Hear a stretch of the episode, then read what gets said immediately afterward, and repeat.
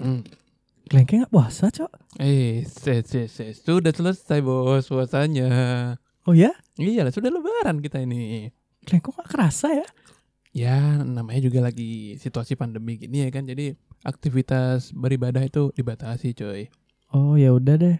Selamat Hari Raya Idul Fitri ya. Minal aizin wal faizin. Mohon maaf lahir dan batin. Dari kami, Obrolan kelas pegawai.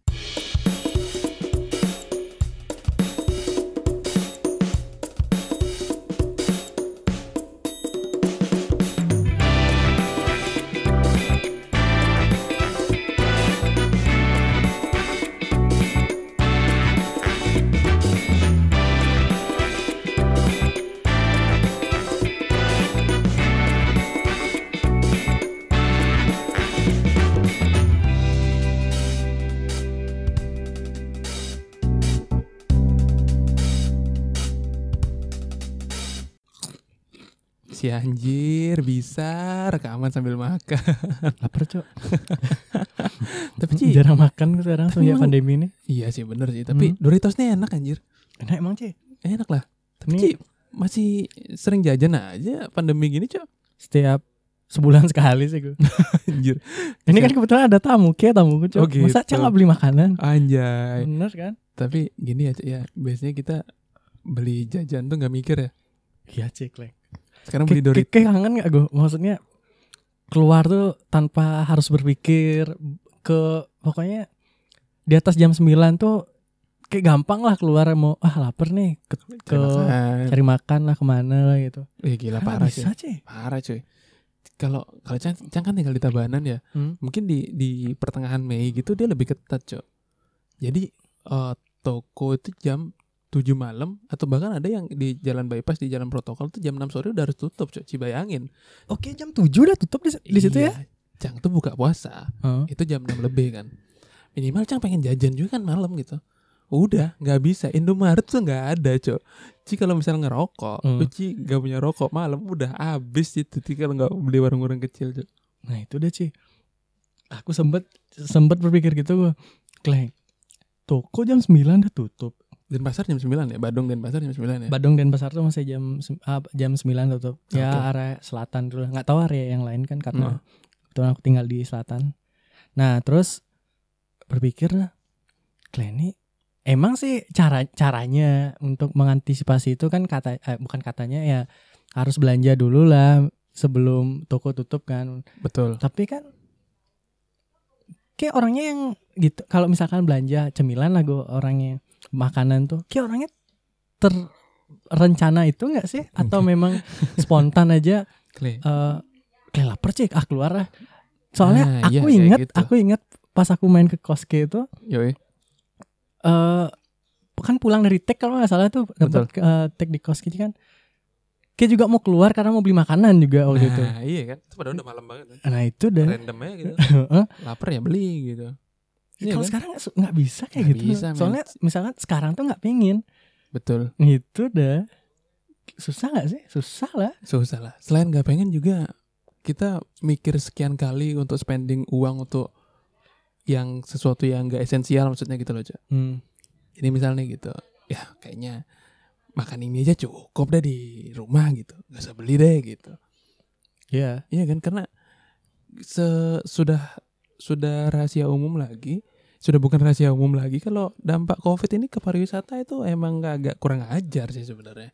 oh parah sih emang kalau kalau industri industri yang paling parah terkena dampaknya itu emang yang pariwisata sih Yo, eh betul. Dan terutama apalagi Bali sih. Bali sih parah banget sih Karena kantor uang kita, tuh nggak bisa muter sekarang yo, eh, karena kantor kita sendiri sudah melakukan yang katanya mereka sebut restrukturisasi padahal itu adalah force resign. kurang ajar emang. Enggak, tapi kita bukan bermaksud mencela tapi ya ada baiknya Enggak gitulah caranya. cuman gimana ya gue ya Ya tapi Um, nggak nggak menyalahkan juga emang se- semuanya kena kok market Iya, kita no. juga kena kan.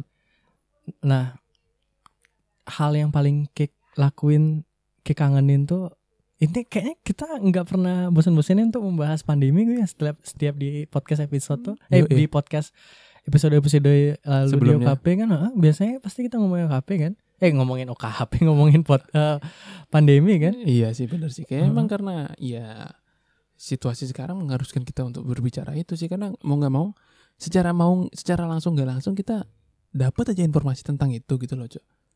Iya sih. Eh sebenarnya hal yang paling ku kangenin dari eh, aktivitas biasa tuh sebenarnya ngobrol sih sebenarnya. Iya sih bersosial sih. Kadang kan Sosial. tuh. capek anjir bersosial lewat Zoom atau apalah gitu. Lah mulutku sampai kaku no. Sampai susah untuk ngobrol. Jadi kan eh kemarin itu aku beli cemilan temenku kan. Jadi kebetulan temenku nih support ya. Ah ya dia Walaupun tuh kita- usaha Sudah di PHK tapi harus tetap support temen yang Tetap support, berjualan. gitu. Ah, anjir, keren banget kita nih. Memang harus begitu gue Yo, punya prinsip Clay. Betul sekali. Support temen tuh bukan dengan cara meminta diskon Oh, dengan teman. Misalkan dong. temennya punya distro atau punya usaha baju, Clay kasihlah diskon sama temen juga. Sebenarnya itu yang salah. cuy. salah boy. Yang salah, yang benar tuh malah membeli dengan harga harga yang dia dia apa minta apa eh, harga normalnya, dia gitu. bahkan atau kasih tipping bahkan sebenarnya. Yoi, betul. itu Itu mungkin- temen tuh. mungkin prinsipnya orang Chinese ya. Maksudnya Cang bukan bermaksud Chinese ras ya. Maksudnya orang yang pebisnis Chinese gitu. Misal dia ada saudaranya baru buka toko handphone gitu misal. Jadi dia datang beli misal eh, mouse tiga gitu. Maksudnya eh, kok toko handphone beli mouse sih? Kadang kan ada aja yang Oh yang kali aja. keluar dari jalurnya gitu loh gue Heeh. misalkan eh, counter HP nih jualannya Alat gulali laptop. gitu kan. Oh ya jual pulsa. Eh, jual pulsa udah masuk sih ya. Gulali? Masa ada sih? Tai ada aja kayaknya. Ya maksudnya itu.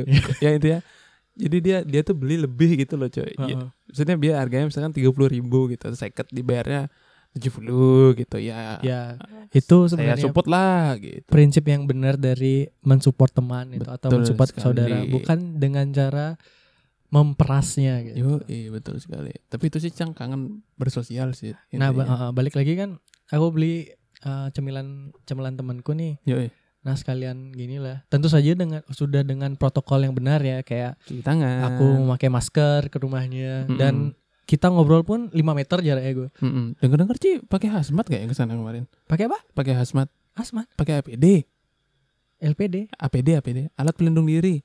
APD. Iya. Ci pakai pelindung alat pelindung diri nggak? Oh, enggak. Oh enggak. Enggak se gondrong itulah.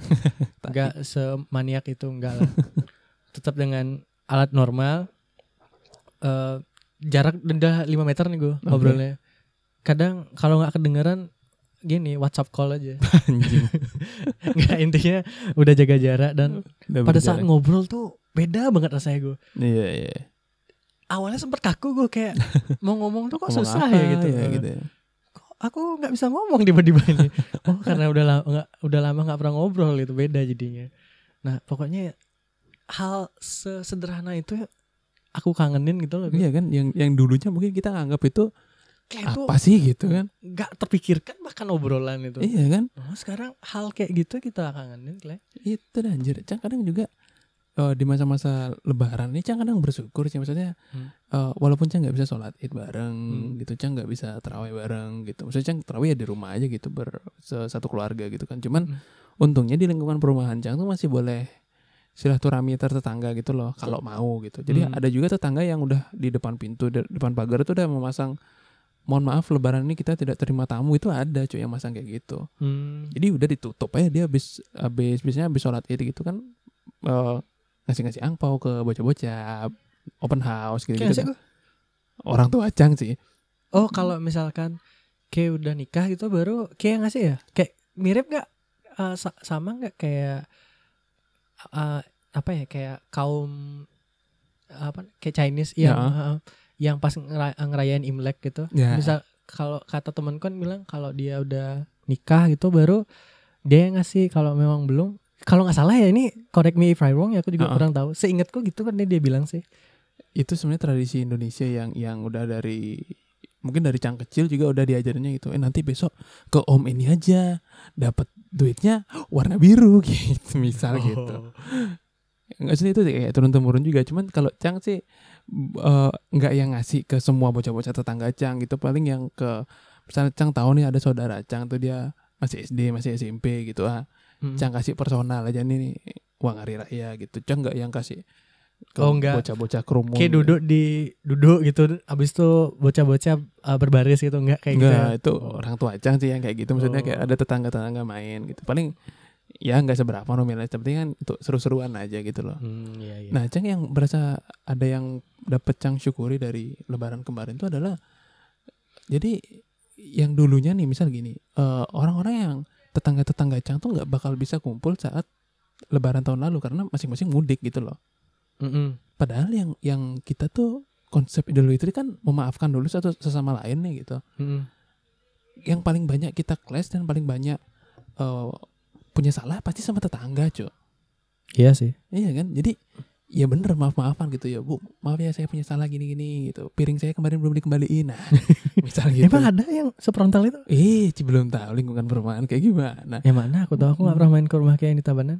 maksudnya lingkungan perumahan yang anggaplah dalam tanda kutip ya mayoritas muslim gitu kan jadi kayak misal eh di tetangga cang nih masak apa? gitu. Iya. sharing-sharing berbagi gitu. Saya- kayak nih ada masakan ini lebih tes Heeh. gitu. Saya ibu cang juga atau keluarga cang bikin juga nih ada masakan ini. Heeh. saya tukar to kasih ke opor ayam lah atau apa Iya. gitu kan.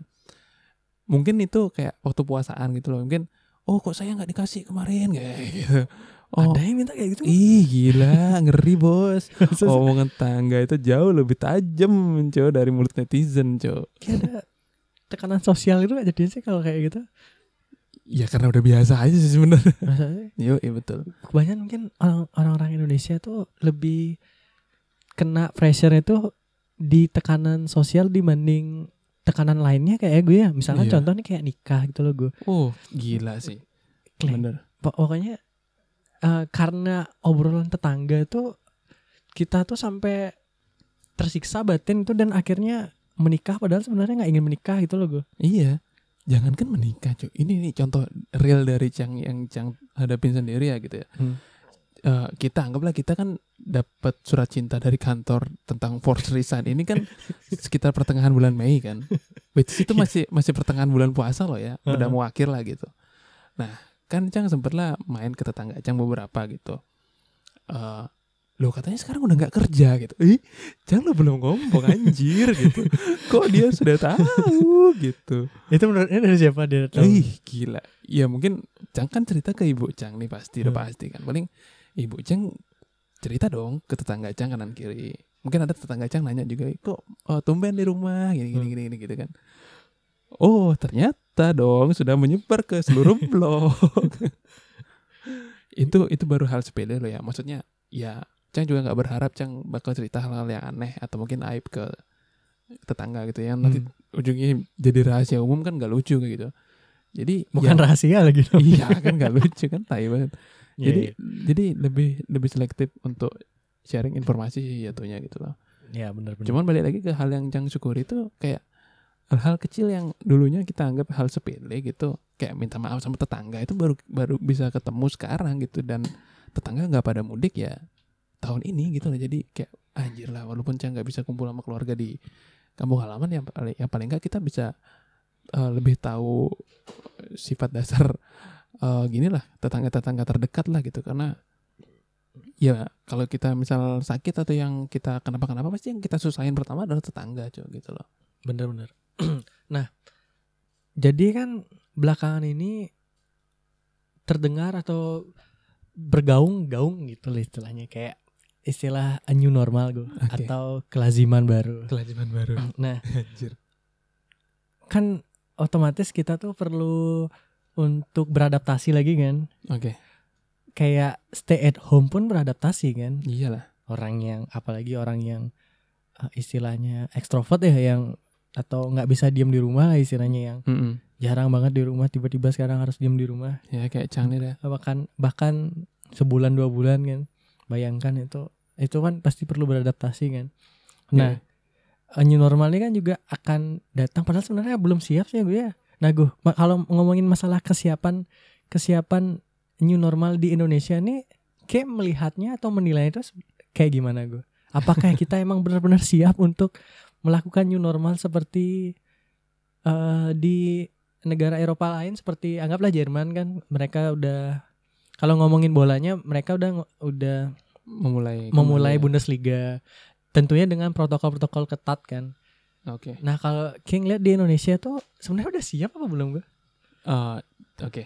Cang dapat tahu kata-kata new normal itu pertama kali yang Cang denger tuh dari Sandiaga Uno, cuy. Itu di asumsi sih. Hmm. Nggak tahu nanti ada bakal ada di podcast atau enggak. Di- jadi di wawancaranya Pangeran sama Sandiaga Uno tuh di 14 April. Hmm. It, which is itu baru-baru banget dong 14 April kan. Iya. Eh, dia tuh udah memprediksi bakal after covid itu live nggak bakal kayak biasanya gitu. Hmm. Dan Cang nggak nggak bakal kepikiran kalau itu tuh bakal terjadi se- se- secepat ini gitu loh, cuy. Iya. yang pertama dan Cang masih berharap ini nggak new normal gitu loh Cok itu yang Berarti belum lah ya. belum harusnya gini sih ibaratkan eh kalau kita berkaca sama negara lain deh Cang kadang tuh selektif baca berita berita nasional lah gitu karena Hmm. takut jadi apa ya anxiety sendiri gitu loh kayak Iya.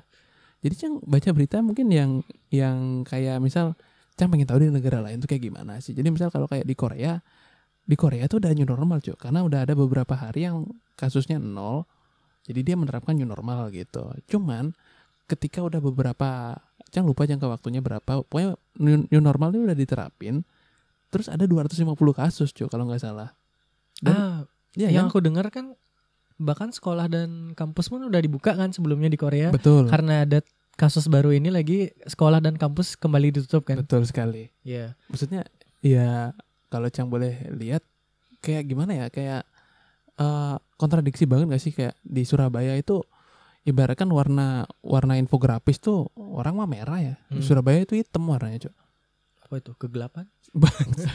saking banyaknya maksudnya kasus baru Dengar dengar yang sekarang di Surabaya yang lebih banyak yang kasus positifnya ya. ya itu dah Nah aku pun eh, ragu ya bahwa Indonesia ini udah siap melakukan hal yang disebut sebagai kelaziman baru ini ya. iya sih Kita emang bener harus berpatokan dengan kasus dulu gue. iya Contohnya kayak Vietnam kan, aku sempat dengar berita dah- udah lama sih beritanya yang mereka sempat istilahnya clean sheet lah kalau di bola ya maksudnya Betul, tanpa ada ada kasus, kasus baru ya selama seminggu kurang lebih tujuh hari atau berapa hari lah gitu mereka benar-benar nggak ada pasien yang positif eh, corona lah. Heeh. Nah kalau emang udah berhasil barulah pelan-pelan untuk memulai kegiatan kan gue sama Recovery. kayak di Wuhan kan awalnya kayak gitu Nah. kan udah tanpa zero case Nah, mereka pelan-pelan recovery baru mulai aktivitas seperti biasa tapi dengan tetap dengan protokol yang ketat betul cuman nyatanya ada kasus baru lagi balik lagi Iya. Jadi ibaratkan gimana ya maksudnya Cang kok malah mikirnya maksudnya ini semoga pemikiran Cang salah gitu ya. Hmm. Kok kesannya nih ya malah kayak ya udah lihat dulu eh maksudnya yang ditaruhin tuh nyawa loh men gitu. Kenapa enggak? Kalau ada orang kena lagi ya kita nggak jadi new normal anjir lah.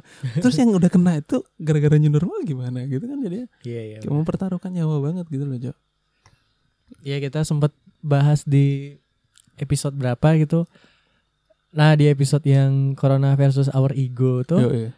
bahwa di sini mungkin gitu ya gue ya eh, kebiasaannya bila ada korban baru bertindak Yo, iya. bukan bertindak dulu sebelum ada korban Mm, kurang preventif lah mungkin ya. ya Cuman kita maksudnya ng- nggak juga ngeblaming pemerintah atau siapa pun yang terkait gitu loh. Maksudnya ya ini realitasnya yang terjadi yang kita dapat gitu loh. ya karena ini perlu ini nih kita tuh perlu bersatu sebenarnya gue perlu kerjasama yang apik lah istilahnya Kar- Betul. eh, terakhir dengar kabar kan New Zealand yang zero case Betul, berha- Zealand. berturut-turut nggak tahu kapan pokoknya mereka berhasil lah Mm-mm. Padahal yang aku baca di berita asumsi, padahal untuk masalah teknologi medisnya atau apa pun tuh sebenarnya nggak nggak sebagus di Indonesia bahkan katanya gue. Oh gitu. Iya di kal- kalau nggak salah ya Oke. aku nontonnya gitu. Cuman mereka berhasil gitu loh menangani pandemi itu. Oke. Nah apa yang aku bilang kok aku lupa tiba-tiba. Kalau Cang sih lebih ke gini ya mungkin ya kalau kalau misal terserah deh eh, pemerintah mau ambil kebijakan apa caranya gimana terserah yang penting tegas gitu aja intinya intinya eh, pemerintah dan rakyatnya itu harus menjadi padu lah gue Betul. Eh, tapi sih banyak ya kalau di Twitter aku lihat kebanyakan ya rakyatnya nggak nurut karena pemerintahnya begitu Nggak tegas gitu. gitu, gitu kan. Maksudnya kadang juga gini sih. Mungkin orang-orang di pemerintahan lebih ngerti kali ya. Maksudnya rakyat Indonesia juga kalau dikasih aturan setengah-setengah gini kayaknya bakal diterobos gitu lah ibaratkan. Mm. Jadi sekalian kasih langsung yang plek yang yang emang mentok banget gitu loh, Cok. Kayak misal ya contoh kayak PSBB itu udah ketat banget sebenarnya gitu loh, Cok. ya gue ngomongin apa pelanggaran PSBB dan hal lainnya itu gue ya, se- sebelum sebelum lebaran tuh pernah kan kamu dengar berita yang mereka tuh berusaha untuk mudik gue Mm-mm. tapi mereka aku nonton di berita ya aku lupa ini tumben aku nonton TV waktu itu mereka tuh sembunyi kan kita tahu nggak mobil pengangkut apa ya bilangnya ya, kayak mobil tronton tuh lah Oke. Mere- mereka mengangkut mobil truk kontainer. mobil-mobil misalnya mobil-mobil dari pabrik itu loh Oh, oke. Nah, tapi nyatanya di dalam mobil tuh ada orang gue Ah, oh, di dalam Ah, mobil yang iya. diangkut. di dalam mobil yang diangkut tuh mereka bersembunyi di situ Si agar anjir. bisa lolos lah dari pos penjagaan PSBB itu gitu. Tapi nyatanya kadang ada yang tertangkap dan enggak itu aku lihat di TV tuh. Sampai sebegitunya tuh untuk agar bisa pulang bisa pulang kampung gitu. Kalau King lihat yang itu gimana gue? Gini, kalau tentang itu sih Cang punya punya Penilaian punya sendiri. bukan punya pengalaman langsung sih maksudnya itu Hmm. rekan, rekan kerja kita juga sih maksudnya eh, di satu sisi rekan kerja kita ini udah nggak ada maksudnya udah kena PHK juga di kantor kita kan jadi Siapa nih? ada perantauan ada lah maksudnya nggak tahu Gak tahu aja. ya inilah dengerin dulu jadi jadi tuh dia kan udah nggak ada pekerjaan di Bali sementara dia orang Surabaya nih mesti pulang ke Surabaya gitu jadi dia nggak punya pilihan lain selain pulang gitu loh ibarat kan Mm-mm. karena dia nggak mungkin bayar sewa kosan juga di sini bayar bayar kontrakan segala macam biaya hidup di sini juga gitu jadi dia prefer pulang gitu udah pulang nih. dan akhirnya dia pulang Oh, oh, oh iya. dengan cara Ya. dia menumpang di eh di angkutan ekspedisi Wah yang benar. serius men Kok aku baru tahu ya? iya cok Ntar cerita after take nih. Iya kita nanti off mic lah Off mic, off mic. Yoi, nah jadi yang cang yang cang tangkap itu eh dua sisi gitu loh. Kalau dari sisi kita mentaati peraturan pemerintah ya jelas kita nggak usah mudik gitu, nggak usah pulang kampung lah. Tapi di satu sisi lain juga keadaannya dia pun juga nggak ada pilihan lain dengan yang menuntut dia harus pulang aja gitu loh, Cok. ngerti nggak maksudnya? Iya. Di sini di di rantauan pun juga dia bukan KTP sini gitu, bukan KTP Denpasar, terus eh dia KTP-nya di Jawa, terus di sini udah nggak ada pekerjaan lain, terus udah officially force resign, dapat surat cinta force resign itu, terus ya udah pilihannya ya dia mesti pulang gitu loh, Cok. Bener bener bener. Iya kan? Aku pun sebenarnya peduli sama teman-teman yang dia tuh nggak nggak tinggal di daerah aslinya lah sebut maksudnya bukan di kampung halaman ya walaupun aku disebut perantau juga gue ya walaupun- tapi masih maksudnya masih di tanah kelahiran lah gitu Nah, betul. Eh, selama pandemi itu pasti gini sih susah dan Struggle. membingungkan sih juga Betul, mau struggle. gimana caranya gitu mau pulang salah tapi nggak pulang salah juga gitu Mm-mm. ya sih nggak bisa nyalain juga sih sebenarnya sih Ah, mungkin itu deh eh, harusnya pemerintah memberikan solusi untuk itu ya misalkan teman-teman yang misal teman-teman yang di tanah rantauan yang di PHK misalkan dia sendiri nggak ada keluarga di di tanah rantauan itu gitu loh Gu. Uh-uh. kasih solusi gimana caranya agar dia bertahan hidup Mm. ada pemasukan lah gitu mungkin kan ada beberapa bantuan-bantuan itu gue tapi nggak aku nggak tahu prosedurnya gimana ya bantuan itu kan tapi tetap aja rasanya no ini pengalaman pribadi juga walaupun aku tinggal di rumah ya Heeh. Menyendiri apa ya kayak sendiri gitu di kamar anggaplah di kamar kosan gitu tanpa ada Kontrakan siapa gitu ya. eh, di kontrakan tanpa ada teman ngobrol tuh Ih, gila. Ih, ngeri banget tuh, Cok.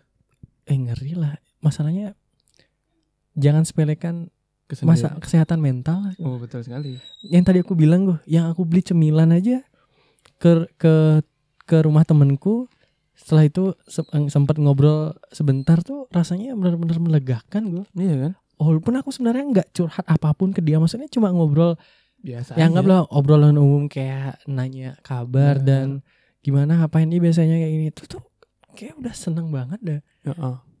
Jadi merasa ada yang ada yang sepenanggungan dan kita tuh merasa ada di dalam ruang lingkup yang sama gitu nggak sih jatuhnya? Iya, makanya itu harusnya yang diberi gini lah gue kayak Concern lah ya. so- concern solusi.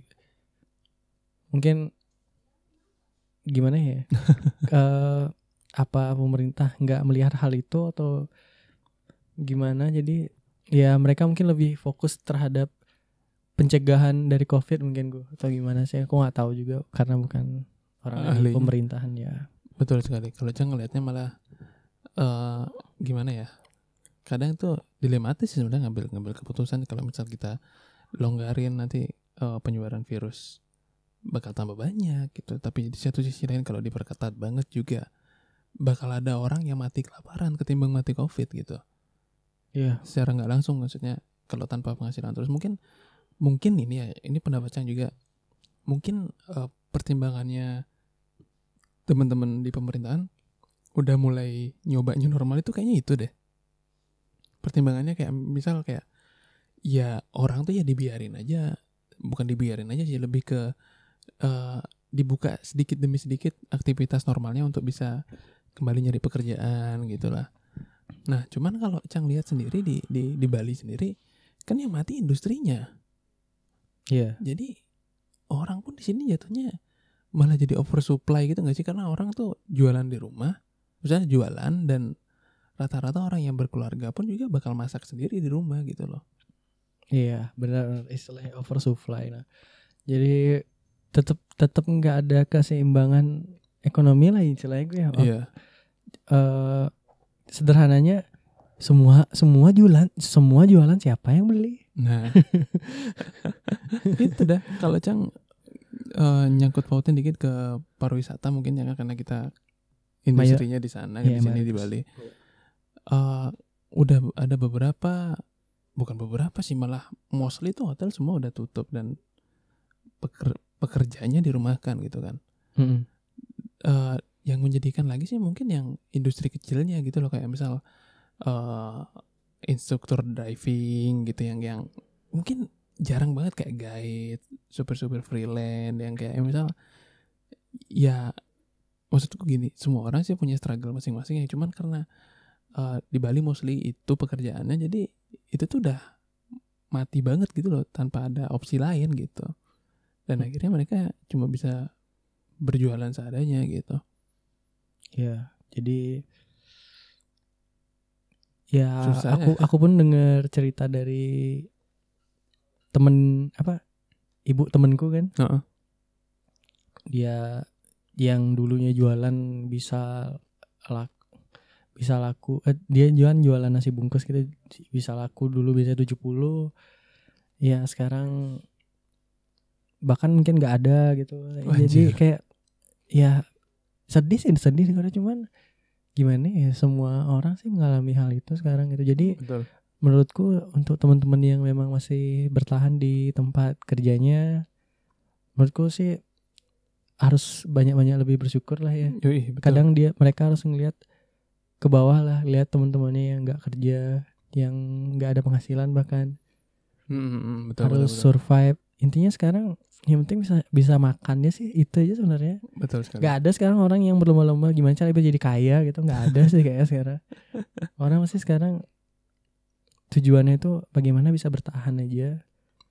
Udah itu aja sih betul. ininya. Ah, betul sekali. Sederhananya. kalau Ci ngelihat industri sendiri industri pariwisata di Bali ke depannya bakal gimana cuy after covid nih gitu. Tentunya akan selama vaksin ini belum ditemukan ya kalau ngomongin vaksin jangan kaitkan dulu ke konspirasi lah atau apa ya gitu maksudnya selama oh, aku sebutnya obat aja lah ya ya, ya. selama obat obatnya gitu. obatnya belum ditemukan kayaknya memang eh, s- yang menyangkut paut ten- tentang pariwisata gue ya pasti akan berubah sih gue pasti akan ada namanya eh, aturan dan protokol kesehatan lah Mm. mungkin pariwisata bisa jalan, cuman ya itu udah agak berbeda. Contoh, aku baca di asumsi lagi nih Ya. tentang di Jepang. Oke. Jadi di Jepang itu udah buka wahana hiburan gue. Oh, serius sih? Wahana-wahana hiburan ya. Eh jadi beritanya ini tentang ngomongin orang yang naik roller coaster. Oke. Nah, setiap orang yang naik roller coaster tentunya pasti ya harus menjaga jarak, Heeh. tidak boleh berteriak gue. Anjir. Oh iya, iya tahu tahu tahu. Ada Tidak boleh berteriak. nggak boleh berteriak. Eh ya pastinya mereka harus menggunakan masker lah. Dan apalagi itu ya aku lupa.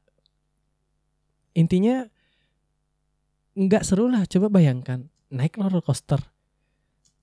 Menurut ke kalau nggak teriak tuh seru nggak? Ih, nggak seru lah. Coba bayangin Nah aja, di bro. situlah serunya kan. Teriak-teriak itu kan. Mm-mm. Atau kayak mau kayak Mr. Bean ada tuh di episode Mr. Bean dia naik roller coaster tapi dia ngantuk gitu. Mungkin kayak gitu harus kita sekarang. Iya, Chan kalau kalau ngomongin tentang hal-hal yang bakal new normal yang belum kebayang itu kayak gimana ya? Aduh, nggak nggak nyampe di pikiran Chan gitu loh, Cok. Karena pariwisata tuh kan yang dijual tuh pengalamannya gitu loh. Hmm. Iya kan? Jadi kayak orang ke sini dapat pengalamannya sini dan nggak bisa dibeli dibawa pulang gitu kan. Iya, Iya kan? Maksudnya nggak ada barangnya gitu, untangible gitu kan. memories. Yo, eh betul. Nah, habis itu kalau emang orang tuh kan bakal bakal selektif ya, maksudnya dia bakal bakal ibaratkan berwisata yang deket-deket rumah, Mm-mm. yang yang yang masih jaraknya nggak nggak jauh dari antar benua lah paling nggak gitu. Sedangkan market di Bali juga rata-rata kan ya dari luar ja- dari luar Bali gitu loh. Gak Iya. cuma bukan orang Bali yang berwisata di sini-sini aja gitu kan. Mm-mm. Nah kalau Cang boleh cerita sedikit itu ada nih dari Airbnb cok perusahaan ya itu dah e-commerce Airbnb eh, CEO-nya tuh kayak bikin surat terbuka untuk untuk gini untuk karyawannya tapi itu bisa diakses publik gitu loh. Jadi kayak CEO-nya nih bilang eh in, kejadian ini bukan salah dari karya karyawan karyawannya. Jadi si si Airbnb ini semua bukan semua sih maksudnya mostly karyawannya juga dapat PHK lah dalam tanda kutip gitu. Mm-mm. Nah, cuman dari pesan yang Cang tangkap dari CEO-nya Airbnb ini dia bilang ini tuh bukan salah dari karyawannya, ini tuh bukan salah dari manajemen juga. Ini tuh emang keadaannya kayak gini dan eh, di Airbnb itu dia malah ngerubah eh, platformnya dia ada sedikit yang dirubah untuk jadi job searching gitu loh, Cok. Jadi portal job search gitu. Mm, Jadi iya. karyawannya Airbnb ini di dikasih dikasih apa ya dikasih wadah untuk nyari kerja lagi lewat Airbnb gitu. Jadi kayak di, di direkomendasiin ke perusahaan lain gitu loh, Cok. Oke. Nah, balik lagi ngobrolin new normal eh, khususnya dalam industri pariwisata dalam hal berlibur pun pasti emang akan dengan cara menikmati liburan itu akan berbeda sih pasti. Iya kan? Ya bayangkan biasanya tem- objek wisata itu identik dengan kerumunan lah gue. Iya. Nah, bayangkan sekarang kita harus menjaga jarak saat eh, bahkan misalkan kita pergi ke objek wisata dengan pasangan atau keluarga, ya harus jaraknya satu meter atau dua meter lah minimal kan. Minimal betul. Dari situ kayaknya, nah kalau dibayangkan saja kayaknya nggak seru lah ya. Masa ngobrol ya harus WhatsApp call kan itu misal jauh-jauh gitu atau apa kan Itu tes lah. tes dari itu tes tesnya itu hilang gue jadi mungkin itulah yang kita harus adaptasi lagi gitu loh gue itu Betul. yang disebut new normal kan kita adaptasi harus itu ya. Mm-mm. Eh, kebiasaan dahulu yang udah bertahun-tahun itu harus diubah karena sebuah pandemi ini gitu. Betul sekali. Dan itu tidak menyenangkan sama sekali Ya begitu. Mungkin ya situasi kalau diceritain mungkin banyak sedihnya ya, tapi ya kita- positifnya gini ya eh, polusi sekarang bahkan di dunia ya itu pastinya berkurang lah iyalah. bahkan sekarang lebih sering hujan Iya sih benar. Padahal musim layangan tuh ya, tapi sering hujan deh. iya setiap malam lah ada jadwalnya gue Anjir iya jam. 8 jam 9 tuh hujan masih. Di Bali ya nggak tahu di daerah lain. Eh daerah nggak tahu di Tabanan? Hujan juga sih. hujan juga. Oh, Hmm, ya, kalau mungkin kalau Cang gimana ya? ya mau nggak mau kita mesti mesti nganggep ini tuh kesempatan baru gak sih? Kesempatan baru untuk? Untuk untuk maju maksudnya untuk untuk apa namanya? Untuk untuk mencari hal baru gitu loh maksudnya ya mungkin kalau situasinya nggak bakal normal lagi ya harus cepat adaptasi untuk bisa untuk bisa survive gitu loh cok. Nggak mungkin dong kita mau kalah aja dengan situasi ini gitu.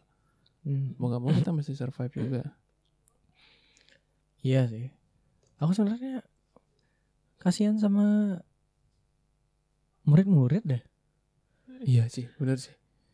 Kalau Nggak tahu sih tapi kebanyakan yang aku tanya ya, contoh kayak adikku, terus eh, adik temenku kebetulan Mm-mm. kemarin pas aku main ke rumah ke rumah temanku ambil cemilan itu rata-rata aku tanya mereka nggak kangen sekolah itu gimana tuh?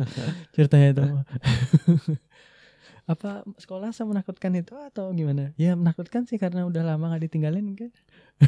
Kalau itu ada meme itu oh iya misalkan sih. balik tapi bukan sekolah di kos itu balik eh, kalian balik-balik ke kos kalian tuh udah lumutan itu kosnya gitu. Udah serem lah pokoknya gitu. Bahkan ada yang ngasih saran bahwa sebelum masuk kos tuh baca doa dulu. Anjir. iya aku lihat di twitter tuh. Kalau ini beda sih kalau adik Cang ini kan SMP ya. Hmm. Bau, maksudnya dia tuh harusnya kelulusan SMP lah ibaratnya gitu. Jadi dia ada momen dia mesti ke sekolah untuk ngembalikin buku gitu oh ada yang buku dikasih gitu perpus ya? ya ah, Iya. kayak gitu. Dia mesti ngembalikin kan. Anjir dia seneng banget sekolah cuy Tumben aku Ih gila nih anak Tumben banget seneng sekolah gitu. Oh waktu itu sempat sekolah untuk kembaliin buku itu Iya masih baru-baru ini gitu. Oh iya Ih gila nih orang seneng banget sekolah gitu. Jadi kayak Yang ngerasain jenuhnya Bosannya gitu Kayak Gak cuma kita aja Anak kecil pun yang Yang terbiasa main pun pasti jenuh gitu loh cuy kayak ngomongin cuma sekolah aja ya. Kemarin tuh kan kebetulan rumah temanku itu kan juga ngelewatin tempat kerja kan kita tahu kan rumah temanku itu orang kita temenan juga nah lewatin jalan ini tuh gue biasanya jalanan eh, jalan ke tempat kerja berangkat itu, kantor. berangkat kantor itu nggak pernah se se nostalgia itu no istilahnya Anjir Serius. aku kayak abis eh pulang dari Amerika gitu atau dari mana gitu tiba-tiba ngeliat jalanan ini kayak kangen banget tuh. Asing banget ya Asing banget. Maksudnya lah jalan ini kan kemarin kem- ke- baru kemarin banget hari Senin gitu. Lah biasanya hari Senin ini oh ini aku masih aku aku pas lewat jalanan itu kayak lagi ngebayangin diriku gitu dah masih di kantor gitu gue. Oh jam segini aku belum pulang nih. Kan waktu itu ke rumah temanku sekitar jam 6 sorean gitu lah.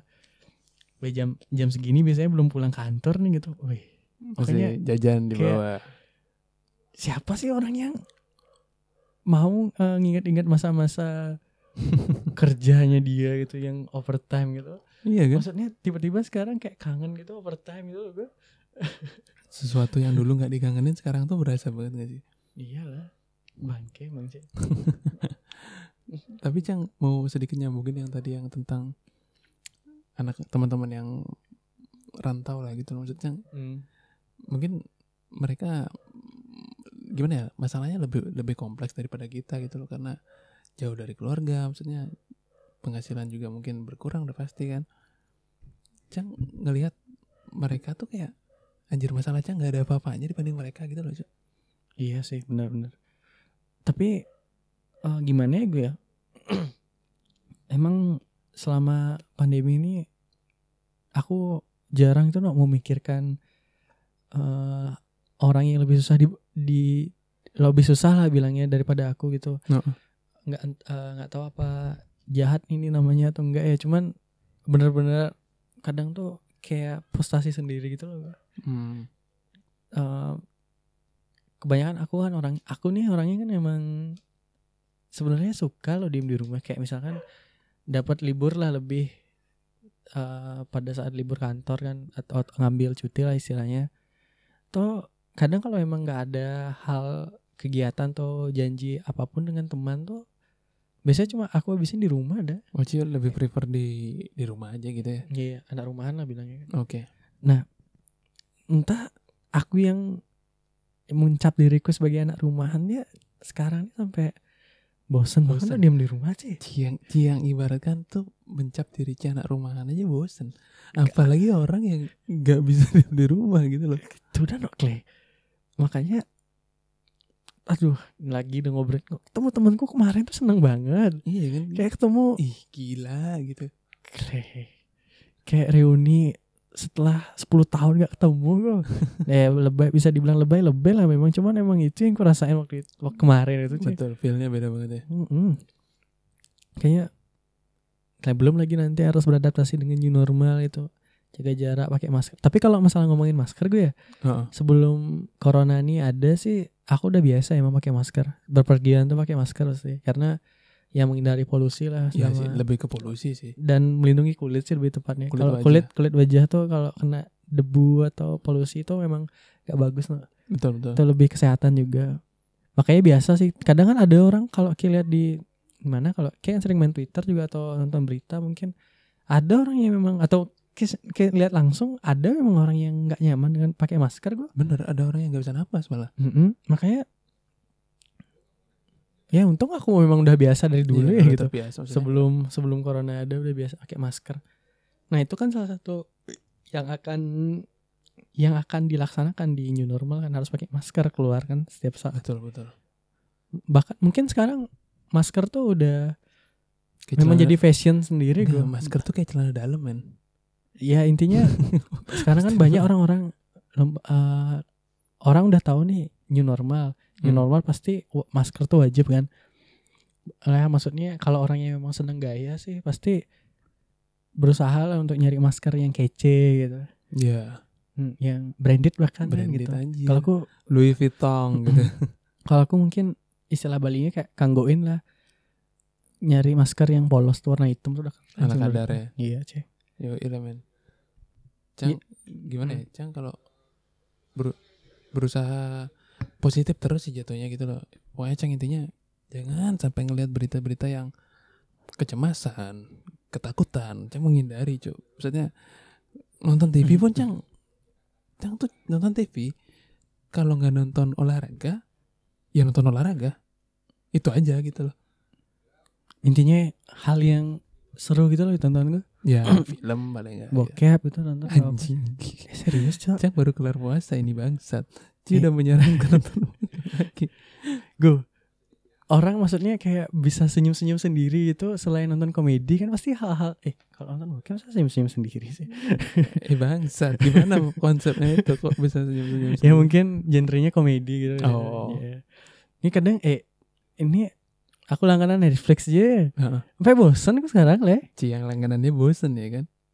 intinya enggak maksudnya bosan lagi nonton seri drama seri panjang sih sekarang banyak aku nonton Oh ya uh, movie aja yang movie-movie. ya. satu film kelar satu film kelar gitu dibanding uh, nonton seri panjang itu karena rata-rata aku udah nonton seri-seri Netflix yang recommended sih gitu sisanya yang yang lumayan recommended tapi belum aku tonton paling nonton film aja. Dan bosan gue Iya kan bosan. Banget gue kayak, kayak juga ngerasa kayak dahan daya tahan tubuh kayaknya semakin lemah itu nggak kayak semakin kayak kayak udah ringkih gitu sekarang padahal kayak masih 24 tahun.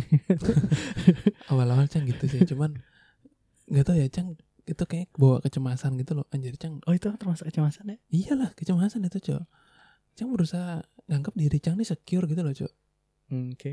Jadi Gim- kayak- gimana gue coba coba kasih tips mungkin gue mungkin ada pendengar-pendengar kita. Mungkin termasuk aku ya juga kena kecemasan pandemi. Oh iya sih ngomongin kecemasan nih gue ya. Jam tidurku tuh gue nggak ya? pernah nggak pernah bener sekarang gue ya anjir. biasanya tidur wah, en- biasanya emang aku benci sih ya. Kalau misalkan pulang kerja tuh pasti capek cuman tidurku tuh enak.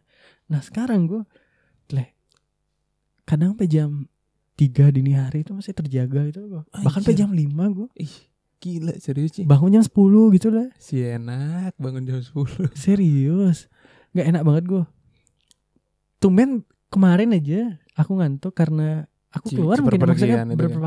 ya, Ya, kena betul, angin betul, atau apa betul. jadi tiba-tiba ngantuk nah coba mungkin kayak kasih bukan mungkin saran gue kan kayak yang ngalamin sendiri eh, tentang kecemasan ini biasanya apa sih antisipasimu tuh tentang untuk kecemasan covid ini lah Gak tau ya kalau Cang mau menanamkan dalam diri Cang sendiri itu kalau misalnya Cang insecure sama sesuatu nih gitu. nah masalahnya orang tuh sorry aku potong lagi gua. Iya. mental orang tuh beda-beda Nah, itu juga sih maksudnya. makanya nah ini ngomongin agak di luar dari situasi ini ya Heeh. makanya kan banyak orang tuh ngomongin bullying lah istilahnya gue ya Iya. eh aku dapat dapat nih lihat di Twitter kan jadi artis kok baperan gitu. Anjir. Kayak dikira artis tuh gak punya hati apa? Itu anjir. Ada yang komen gitu gue. Aku aja bacanya gedeng gue. Iya kan? Aduh, gak ngeri gak ngerti lagi deh Cang nih kok bisa gimana ya? Orang nih semua tuh bisa ngomong man, cuman orang yang bisa omongannya didengerin tuh susah no sedikit gitu. Iya, eh, terus masih banyak juga beranggapan tuh eh misalkan stereotip itu loh gue eh, yang masih melekat misalnya cowok gitu. Ini ag- udah agak beda pembahasannya. Kayak cowok, cowok tuh nggak boleh nangis. Cowok tuh nggak boleh sakit hati. Itu cowok tuh ya harus kuat, harus gini. Tain cici gitu. Dia serius. Selama selama yang namanya manusia gue ya Hmm. pasti tuh punya hati semua mau apa pun itu manusia Iya kan Iyalah, kenapa nah kadang kan kayak benci gak sama stereotip itu gue benci sih Bu- bukan kayak gimana ya kayak anggap dah nih kayak nyari temen curhat ya Heeh. temen curhat kayak curhat dah mungkin ya habis patah hati lah atau apa atau kayak benar-benar sakit hati banget maksudnya kayak merenung itu kelihatan muka kayak gitu kan di hadapan di hadapan temen temen curhatanmu nih. Oke. mungkin sama cowok lah misalkan gitu. Terus dia ngomong klengke gitu aja udah merenung cok gitu. Eh, jadi cowok lo harusnya gitu cari lagi klem maksudnya kayak dia tuh menyepelekan hal itu gitu loh gue Iya, betul. itu pasti kesal dengernya Itu lebih ke ignorance sih orangnya kayak kita tuh cerita, misalnya orang tuh cerita nggak nggak berharap ekspektasi bakal dapat advice, dapat solusi enggak, at least didengerin lah paling enggak. Itu yang pertama. hmm, benar-benar Terus eh, terus untuk yang mendengarkan juga eh, janganlah anggap orang yang cerita itu seakan-akan tuh gak ada apa-apanya masalah dia doang ya. Jadi kayak berat-beratan masalah gitu loh cuy wah ciber segitu masalah cang nih lebih Iya. gini. Si bangsat lu Itu- malah itu, malah berat-beratan masalah itu. gitu. ini kan pernah kita bahas nih kan itu Iya, lebih ego ya? Ego banget sih. Ego sih balik lagi ke pertanyaan Ci tadi tuh kalau Hmm. Cang ngerasa diri Cang insecure nih terhadap sesuatu gitu. Misalkan misalkan Cang Cang takut nih gitu takut tetangga Cang ngejudge apa gitu gitu. Hmm. Cang berusaha nganggap diri Cang tuh secure gitu loh Cang ketimbang nganggap diri Cang tuh insecure gitu dengan cara ya ganti pola pikir gitu loh mau nggak mau eh, satu mesti cuek bodo amat dan yang kedua kita mesti sadar diri kalau kita tuh sebenarnya secure secure aja no gitu loh hmm. Tuhan tuh udah jamin kita secure gitu loh Cok. kitanya aja yang worry ya iya kan? sih Jangan kalau boleh pemikiran umum secara umum yang nggak nggak spesifik kayak gitu Cang coba pola pikir eh Cang secure secure aja kok misalnya contoh kita udah punya kita punya gaji sebulan nih cukup untuk sebulan. Secure dong kita. Mm-mm. tapi ketika ada orang ngatain ah gaji Ci masa segitu? Ci insecure kan? gitu. Ya pada umumnya begitu. Pada umumnya gitu Heeh. kan. Ah Ci udah kerja segini gaji segini. Padahal sebenarnya itu cukup cukup aja buat kita secure secure aja kan gitu. Iya benar. Sedangkan ada distraksi ada ada intervensi dari luar gitu ah Ci nggak cukup nih segini. Masa udah udah kerja segini masih segini gajinya gitu. Nah itu yang bikin insecure itu yang dihindari sih sebenarnya. Berarti gini nggak sih gue kalau ngomongin itu ya gue ya prinsip tuh harus kuat gue betul. Ya sih kita harus berprinsip sih sebenarnya. Walaupun kita nggak nggak yang orangnya nggak yang filosofis banget gitu paling nggak kita punya prinsip dasar ya untuk untuk ngindarin hal-hal negatif dari kita sendiri gitu loh Cok. Iya iya iya. Masalahnya bagaimana cara menumbuhkan prinsip itu mungkin di episode selanjutnya lah ya. Benar ada lah gitu. Capek lah ngobrol dah. Berapa menit nih? Ya lumayan lah. lumayan lah jadi mungkin ya next episode mungkin nggak jauh-jauh dari ini topiknya ya Ya mungkin ngomongin prinsip new normal gitu. anjay ngeri, ngeri. Pasti berubah kan? Prinsip Iya, new normal itu pasti gimana? berubah lah. Pasti berubah lah. Oke. Oke, saya Audi. Teguh Haryanto pamit